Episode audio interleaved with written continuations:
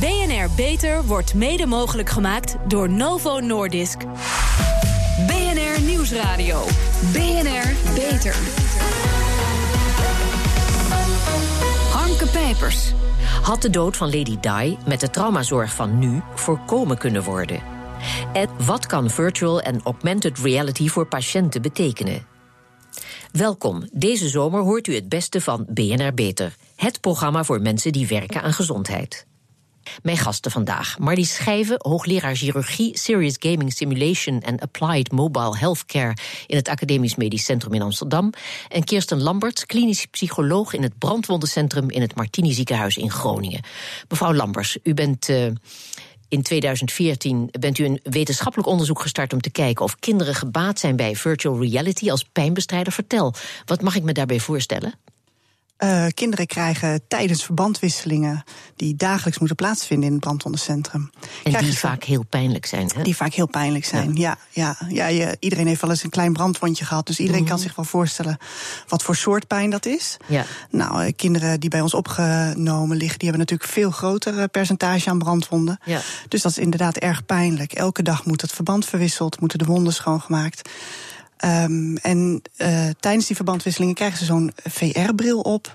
Virtual reality bril. Ja, ja, precies. En dan uh, mogen ze kiezen wat ze, wat ze willen zien daarin. Een film of een spelletje. En um, ja, over het algemeen, wat, we, wat het effect is als kinderen daar rustiger door worden. Dat ze de verbandwisselingen beter of comfortabeler kunnen ondergaan. Ja, en, en waar resulteert het dan in? Want ik, ik las een verhaal van een jongetje die niet in de gaten had dat zijn ene beentje al behandeld was. Toen ja. Ik, nou, ja, ja, dat was al een prachtig voorbeeld. Eh, dat was een beetje in de begindagen nog. We, we zijn hier al vrij lang mee bezig om dit uit te proberen. Mhm. Maar een van de begindagen, toen was het inderdaad zo... een jongetje verbrand aan beide benen. Um, nou, op een gegeven moment was het ene been klaar. Dat zei de verpleegkundige ook tegen hem: van nou, ik ben klaar, ik ga nu aan het andere been beginnen. En toen zei het jongetje: welk been dan?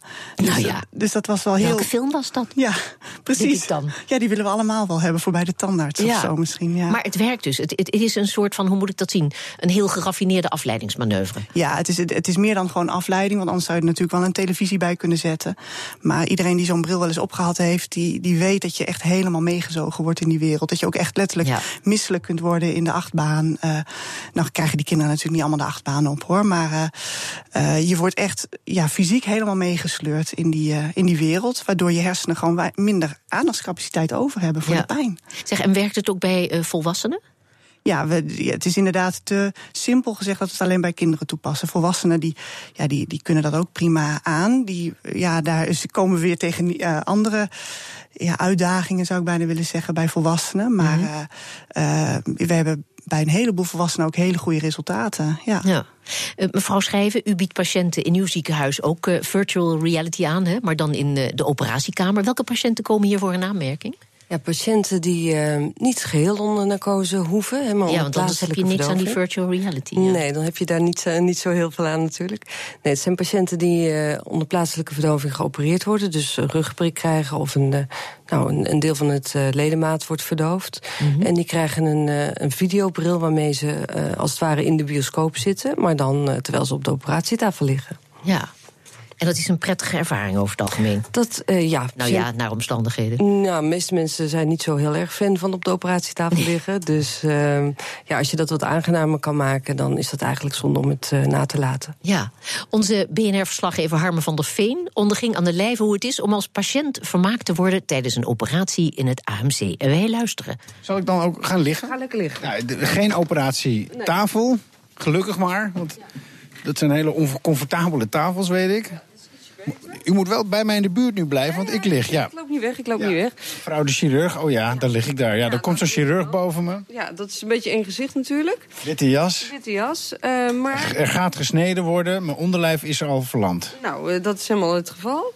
Um, en dan krijg... Ik heb er geen zin in, want ik hou hier niet van. Nee, maar daar gaan we bij helpen. Dus um, je houdt vast wel van een goede film. Ja, ja, en, ja, ja. Uh, persoonlijk, en vinden velen met mij gelukkig... is De Nieuwe Wildernis een hele mooie Nederlandse film. Oh, Oostvaartsplas. Dat bedoel ik. He, dus nu prachtig, met talenten. En, um, dus ik ga nu een film kijken? Ik ga nu een film kijken. Op die bril? Ja, maar het vervelende is, er zit er ook een uh, koptelefoon Ja, die doe ik dan ook maar op. Ja, dat gaat mij af. Ja. En ondertussen lig ik maar op die OK, oké. dus dan krijgt u deze van mij. Dan hoop ik dat hij een beetje lekker zit. Ja, oh. Zet hem zelf maar een beetje comfortabel op. De dokter doet een uh, bril op mijn neus. Ja. Ja. Een beetje oké zo? Ja. Nou, ja. De documentaire. ja, daar is hij. Oké, okay, en ik lig hier op de... Oh, ja, prachtig. Ja, ik zit, er, ik zit er wel in, hoor. Bent u aan het snijden, dokter? Nou, ik ben, uh, ik ben al halverwege. Ja. Dat is een heel dramatische ontwikkeling nu in de film. Er wordt een uh, eentje wordt gepakt door een uh, kraai. Ja. Oké, okay, ik doe hem even af. Ja. Zat u er een beetje in? Helemaal. En dit gebeurt dus op de OK? Ja, dit gebeurt op de OK. Ik ben dus nu eigenlijk geopereerd. Ik was erbij, ruggenprik. Ik heb een film gezien. Is het nou, is het nou klaar eigenlijk? Ik bedoel, als de film afgelopen is, zijn jullie ook klaar? De film is meestal nog niet klaar als u klaar bent. En dan krijgt u van ons een mooie filmcadeaubon om het thuis af te kijken. Oh, serieus? Serieus. Ook de film ook die je niet af kon zien misschien? Dat mag, maar u mag ook een andere kiezen. Ja, wat een service. U hoorde Harme van der Veen vanaf de operatietafel. Het amusement was echt, de operatie niet. De aansteller. Goed, uh, ja, mevrouw Lambers. Uh, niet iedere volwassene, zoals meneer Harme van der Veen, vooral als je daarvoor uh, voor de grap ligt, zal zich willen onderwerpen aan zoiets als virtual reality. Want uh, ja, volwassenen willen toch vaak controle houden. Hè? Komt u dat vaak tegen? Nou, niet heel vaak, maar we komen het inderdaad tegen. Het, zijn, het is een, een van de factoren die we meenemen in het hele onderzoek. Um, onder andere ja, de persoonlijkheidsfactoren van iemand, hè, die ja. maken dat je wel of niet uh, überhaupt afgeleid wilt worden en ook of je afgeleid kunt worden. Ja, want mevrouw Schrijven, ja, er zijn toch mensen die controle willen houden, die willen weten van uh, ben je met mijn goede been bezig? Zeker, die mensen heb je. Maar je hebt ook mensen die uh, uh, er nu voor kunnen kiezen om wel bij te blijven met de film. En niet volledig onder narcose hoeven. En dat scheelt natuurlijk wel een hoop uh, ja. Ja, problemen. Ja. onze verslaggever werd verrast met een film over de nieuwe wildernis. Hè? De Oostvaardersplassen, prachtig. mevrouw Lambers, wat krijgen de kinderen die aan uw onderzoek meedoen? Wat krijgen die allemaal te zien? Heel divers. Ik, ja, ik zou het bijna niet kunnen opnoemen. We hebben een enorme palet aan films, spelletjes. Ik merk dat kinderen kiezen toch vaak wel voor een spelletje. Ja, maar is dat allemaal, dat bedoel ik eigenlijk, is dat allemaal bestaand materiaal of wordt hier ook speciaal materiaal voor gemaakt? Nou, we hebben inderdaad een aantal. Uh, uh, we hebben één grote game die daarvoor gemaakt is. En verder hebben we wat films die daar speciaal voor gemaakt zijn. En die verrijkt worden eigenlijk met ja, afleiders, zou je kunnen zeggen. Dus je ziet een mooi landschap en ondertussen krijg je informatie aangeboden. Ja. Wat maakt dat je toch net wat meer ja, in die wereld gezogen wordt. En dat je net iets meer daarop gaat letten. Ja, want dat, is dat wat het materiaal aan moet voldoen? Is, is dat ook op een of andere manier medisch onderbouwd, bestudeerd enzovoort? Ja, en dat is in ieder geval wel wat, wat uit wetenschappelijk onderzoek tot nu toe komt. Mm -hmm. Dat uh, de immersiveness, zoals ze dat dan noemen, dus hè, in hoeverre je echt ondergedompeld raakt in die wereld, um, die doet ertoe. Dus hoe verder je meegezogen wordt in die wereld, hoe heftiger eigenlijk uh, ja, de afleiding kan zijn. Ja. Mevrouw Schrijven, u bent uh, hoogleraar chirurgie, maar u heeft ook de Design Academy in Eindhoven gedaan. U bent gespecialiseerd in serious gaming. Uh, vertel, hoe, hoe bouw je een serious game? Welke doelen heeft u daarbij voor ogen? Nou, eigenlijk zet je in op het, uh, uh, het feit dat iedereen graag speelt. Hè. En ja. dan kun je onderspelen van alles verstaan.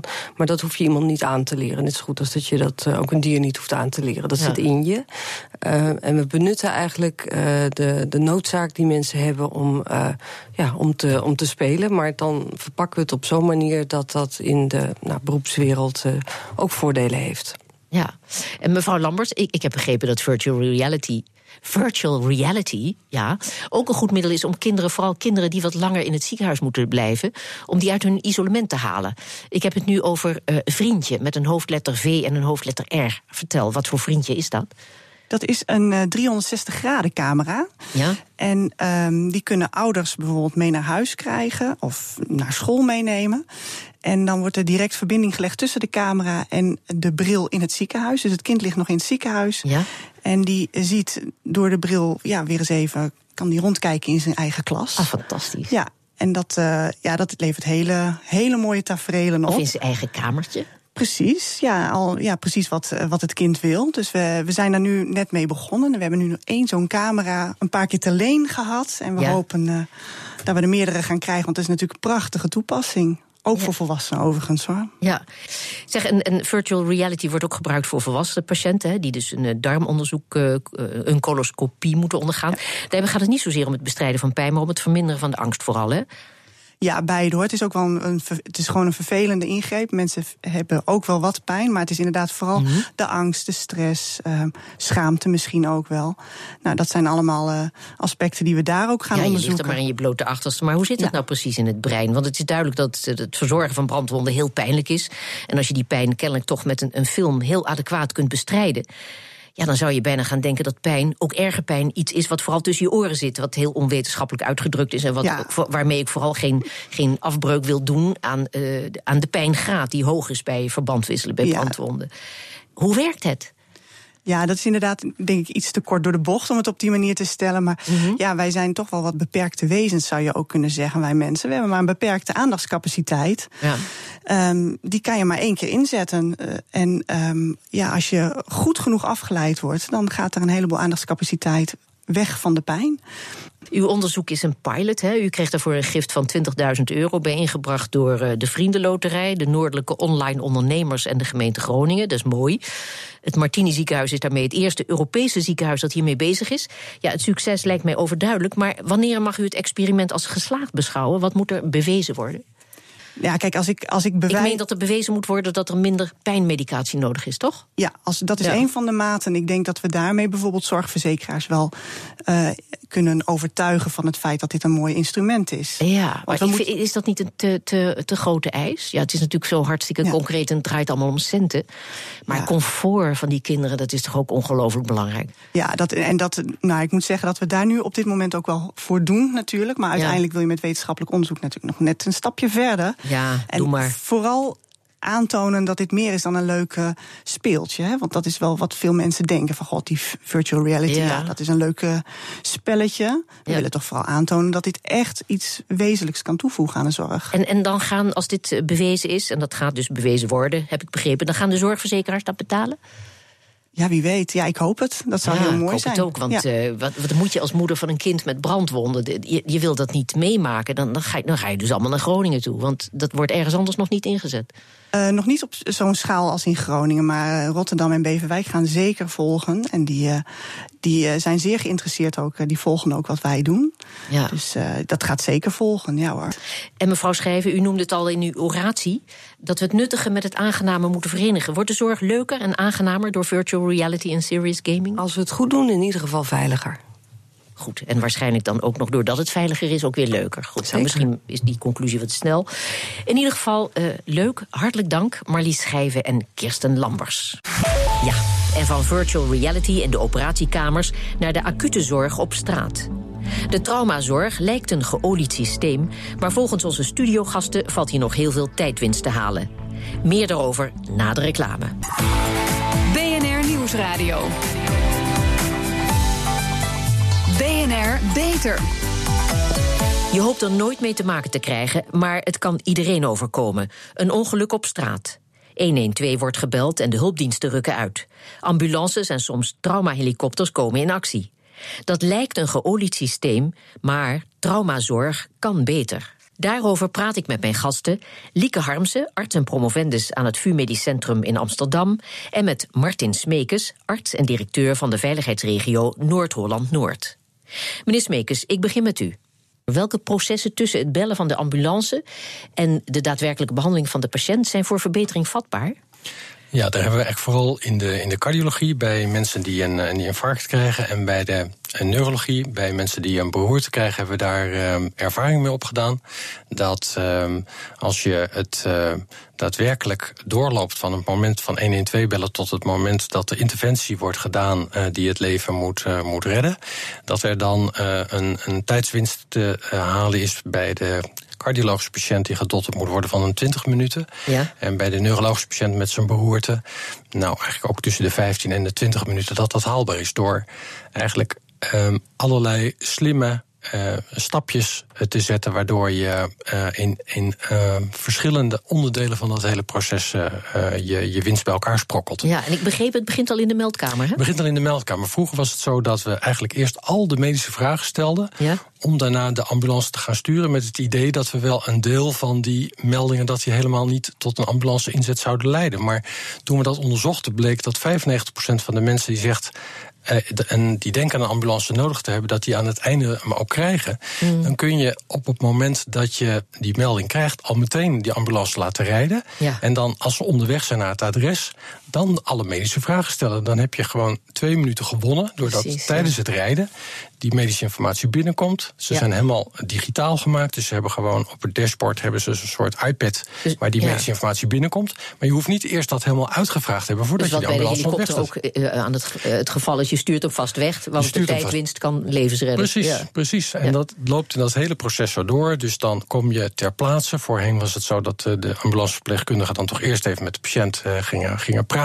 Mm. Als het gaat om zo'n patiënt met een infarct, hebben ze echt geleerd van ehm, die verpleegkundige gaat met de patiënt praten, maar de chauffeur maakt dan meteen het cardiogram. Want als je op dat cardiogram, dat hartfilmpje ziet, dat iemand gedotterd moet worden, ja, dat, als je dat vijf minuten eerder merkt, dan ga je dan eigenlijk ook al direct de acties inzetten om te zorgen dat je in dat ziekenhuis komt en dat ze daar klaarstaan. Dus het cardiogram wordt vroeg gemaakt en daardoor zijn we vroeger onderweg met de patiënt. Ja. Vroeger gingen we met zo'n patiënt naar de spoedeisende hulp. Nou, iedereen weet dat als je, uh, uh, wel als je op de spoedeisende hulp bent in het weekend, dat je dan lang moet wachten. Dus we gaan tegenwoordig gaan we niet meer naar de spoedeisende hulp, maar we gaan rechtstreeks naar die behandelkamer, waar die ingreep moet plaatsvinden. Zodat je die, dat tijdsverlies van die schakels in de keten in dat ziekenhuis, dat je die eigenlijk ook uh, overslaat.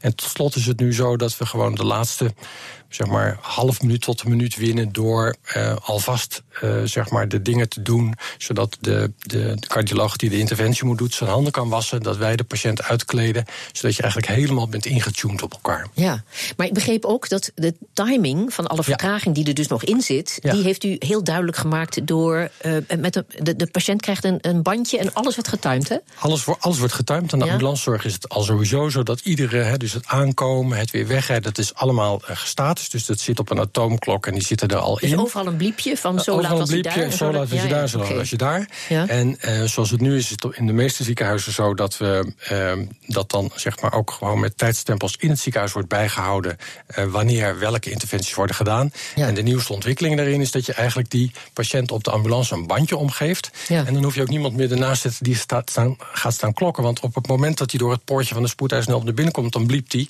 En dan gaat hij door naar de röntgen en dan bliept hij. En dan krijg je gewoon aan het einde krijg je een keurige rij getallen. Nou, en die zetten we in zo'n zo'n dashboard, zo'n klik-dashboard. En dan kun je precies zien van het moment dat 1 en 2 gebeld is... tot het moment dat de interventie heeft plaatsgevonden... hoe laat nou die verschillende stappen werden genomen. En dan zie je dus ook heel goed als je dat op een groepsniveau brengt. Van goh, waarom duurt het eigenlijk bij ons altijd zo lang voor nou, al de dingen die we net noemden? Ja waarom duurt dat zo lang? Kunnen we dat niet versnellen? Ja, ook dus al uh, in, uh, in de ambulance, hè, daar zijn we weer. Uh, ja. Dus de stolselbetaling, de stolselbepaling, ja. ja. dat is het toch wel. dat is een vertragende factor, dus dat gebeurt nu ook in de ambulance, hè? Ja, dat is, dat is, dat is heel nieuw. Dat gaat met ingang van morgen, kunnen we zeggen, is dat operationeel. Ja. Voor de patiënt met een, een beroerte um, is het zo dat um, nou, als er dan zo'n halfzijdige uitval is, dan moeten er in het ziekenhuis, zoals dat nu is, twee dingen worden gedaan gedaan voordat zo'n sterk, sterk op, uh, stolseloplossend middel wordt gegeven. Er moet een, uh, een scan worden gemaakt. Ja. En Terwijl moet... je bij een aneurysma bijvoorbeeld een, een, een, een barstende ader, moet je dat dus juist niet geven. Nee, nee precies. En, en je moet, die, dus heel belangrijk. je moet kijken of dat bloed niet al heel dun gemaakt is. Want dan kan je niet dat stof. Nou, dat is een vertragende factor in het ziekenhuis, omdat die laborant vaak niet op de spoedeisende hulp is. Dus die moet er naartoe komen. Dus we hebben met de neuroloog afgesproken, want we doen dit bij die beroertezorg, dat wij al op de ambulance die bloedstolselmeting uh, doen. Zodat als we met de patiënt aankomen, dat we dat al weten. En dat we dus daar dan niet de vertraging oplopen in het ziekenhuis. Omdat we het gewoon in een ander deel van het proces hebben geplaatst. Nou, dat is, dat is wel. Dan ga je echt over de keten heen kijken. Wie kan nou het beste de dingen doen? Uh, gewoon in het belang van, van het maken van snelheid. En dat, is, uh, dat is heel mooi. Dus de zorg verplaatst zich. Zijn alle partijen daartoe bereid? Want ja, ziekenhuizen, het is tegenwoordig een strijd om het bestaan, nietwaar? Ja, nou, de, de, de, ik vind uh, de, deze manier van werken, waarbij, want dat, dat is inderdaad een kwestie van gedeelde verantwoordelijkheid. Hè, dus dan de, degene die daar iets over mag zeggen, dat is de laborant en de neuroloog en de SRH-arts en de, de, de neurologieverpleegkundige en de ambulanceverpleegkundige met z'n allen zo'n grote tafel. En je moet allemaal de bereidheid hebben ja. om te zeggen: jij mag ook iets zeggen over mijn stuk van het proces. En niet zoals vroeger. Ik ben een oude dokter. Vroeger was het zo dat de dokter was de baas. En de ja. oudste dokter was de allergrootste baas. En dan kon je nog gelijker, maar je kreeg het gewoon niet. Nou, dat is tegenwoordig niet meer zo gelukkig. Dus je dan iedereen zegt: het is onze gezamenlijke verantwoordelijkheid dat we dit goed doen. En waar kan dan dit stukje ja. van de zorg het beste worden gedaan? En nou, daar wordt iedereen gelukkig van. Want, ja, want, want, want als je doet, ik citeer u nu even, als je doet wat je altijd deed, krijg je wat je altijd kreeg. Ik dacht, u vult mij aan, maar dat doet u niet. nou, goed. Zeg, het elektronisch patiëntendossier, de beschikbaarheid van gegevens in de ambulance, dat is tot op heden niet geregeld, hè? Nou, er zijn, er zijn uh, we hebben zeker een elektronisch patiëntendossier, maar de, de grote moeilijkheid zit hem altijd bij het schakelen naar anderen die ook de medische gegevens bewaren. Dus de, het ziekenhuis heeft natuurlijk eh, de gegevens in een dossier, de huisarts heeft gegevens in een dossier. Ja, die patiënt die is niet meer in staat om zijn toestemming te geven. Nee, nou, en dat is inderdaad altijd lastig, want zeker als je dit soort dingen doet met van die dashboards en zo, dan maak je gebruik van elkaars gegevens. En als je daar heel strikt naar kijkt, dan zou je dat dus altijd aan die patiënt moeten vragen. Maar dan verbeteren we nooit meer nooit wat. Nee, want dan precies. zie je het Moeten we daar dan gewoon niet vanaf? Want als je niet meer zelf uh, uh, kunt beslissen over je EPD, moet het dan niet zo zijn? Want jaren geleden was er al sprake van een appje wat in de ontwikkeling was. Ja. En wat dan zodra je over de drempel van de hulpverlening kwam, dan werd duidelijk waar dat EPD te vinden was. Het is er nog niet, dat appje. Nee. Zou er zoiets moeten komen? Nou, ik, ik denk dat we dicht staan voor het moment waarop gezegd wordt van, nou ja, weet je, privacy is een superbelangrijk iets. Vind, ik, ook, vind ik ook echt wel. Maar het houdt ook een aantal belangrijke dingen uh, uh, tegen. Om een ander voorbeeld te noemen, als je in Engeland uh, met je mobiel 112 belt, dan ziet de centralist daar in de meldkamer waar jij bent. Maar in Nederland mag dat niet, want je mag alleen weten waar iemand met zijn mobiel is als die een strafbaar feit heeft begaan. Dan kunnen ze ja, ja, iemand uitpeilen. Maar dat is alleen, zit je in je auto maar privacy je, kan je wat schelen als je, als ja, dan wil je gewoon geholpen worden. Maar ja, leven ja, ja, Dus het is een moeilijke afweging soms, maar nou, wij, wij, ik zit wel aan de kant van laten we het ietsje makkelijker maken om met elkaar die gegevens goed te kunnen delen. Want dat is in het belang van die patiënt. Ja.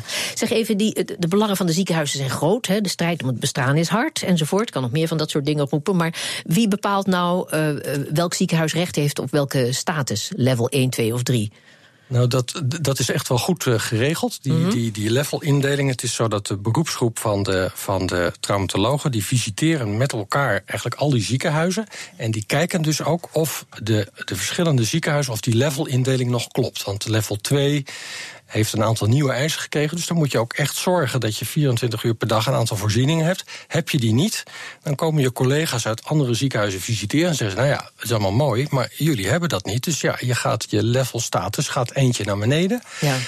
Uh, ik heb, uh, zoals ik dat bij ons zie functioneren, er zit in de regio, bij mij, waar ik werk, is echt geen ziekenhuis waarvan ik denk, nou, level 2. Uh, dat moet een level 3 zijn. Dat, ja, ja. dat, dat is echt niet zo, want onze ambulanceverpleegkundigen... die komen vaak ook uit die ziekenhuizen. Nou, die weten dat onmiddellijk dat als het niet op orde zou zijn. Ja. Zeg, we moeten naar Lady Di. Uh, die hadden we al genoemd. In het Nederlands tijdschrift voor geneeskunde is onder de kop... was de dood van Lady Di te voorkomen geweest... een artikel gepubliceerd over de traumazorg 20 jaar geleden. Ze overleed in 1997. In vergelijking met de traumazorg van nu. En de voorzichtige conclusie in dat artikel is... dat het niet onwaarschijnlijk is... dat ze het ongeval met de huidige traumazorg zou hebben overleefd. Nou, meneer Smekers, u heeft natuurlijk dit artikel gelezen. Waar zitten de grote verbeteringen nog even? De grote verbeteringen zitten erin dat eigenlijk uh, al veel vroeger geanticipeerd wordt op de, de verslechtering die er daarna kan ontstaan. Dus dus um, um, wat je ziet, wat daar twintig jaar geleden is gebeurd, hebben ze hun heus hun stinkende best gedaan. Er was zelfs geloof ik nog een arts ter plaatse toen, toen dat gebeurde. Maar dan zie je gewoon een cascade van steeds na elkaar opnieuw gaan denken wat je dan het beste kan doen. En dan is het uiteindelijk zo dat ze ja, na drieënhalf uur over, overlijdt.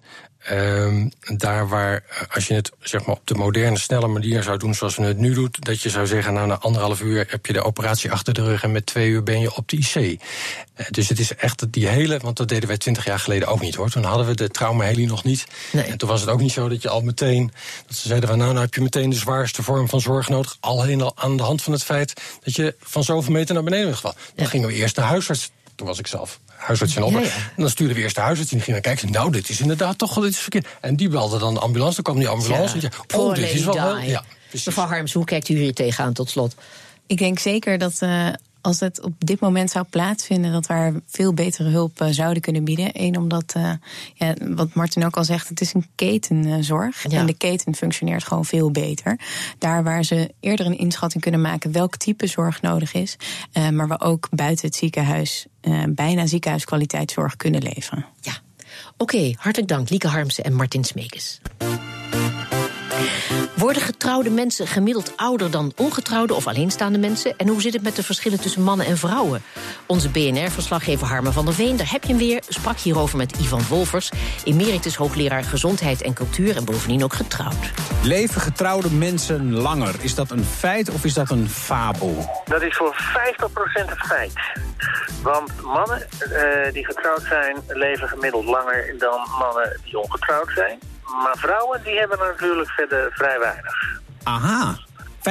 50% maar u bedoelt dus qua seksen? Ja, ja. Kijk, dus uh, um, het, het zou mogelijk te maken kunnen hebben met het feit dat mannen en vrouwen verschillende manieren van omgaan met hun lichaam en met hun gezondheid hebben.